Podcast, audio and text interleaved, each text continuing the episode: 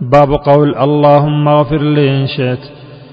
في الصحيح عن أبي هريرة رضي الله عنه أن رسول الله صلى الله عليه وسلم قال لا يقول أحدكم اللهم اغفر لي إن شئت اللهم ارحمني إن شئت ليعزم المسألة فإن الله لا مكره له.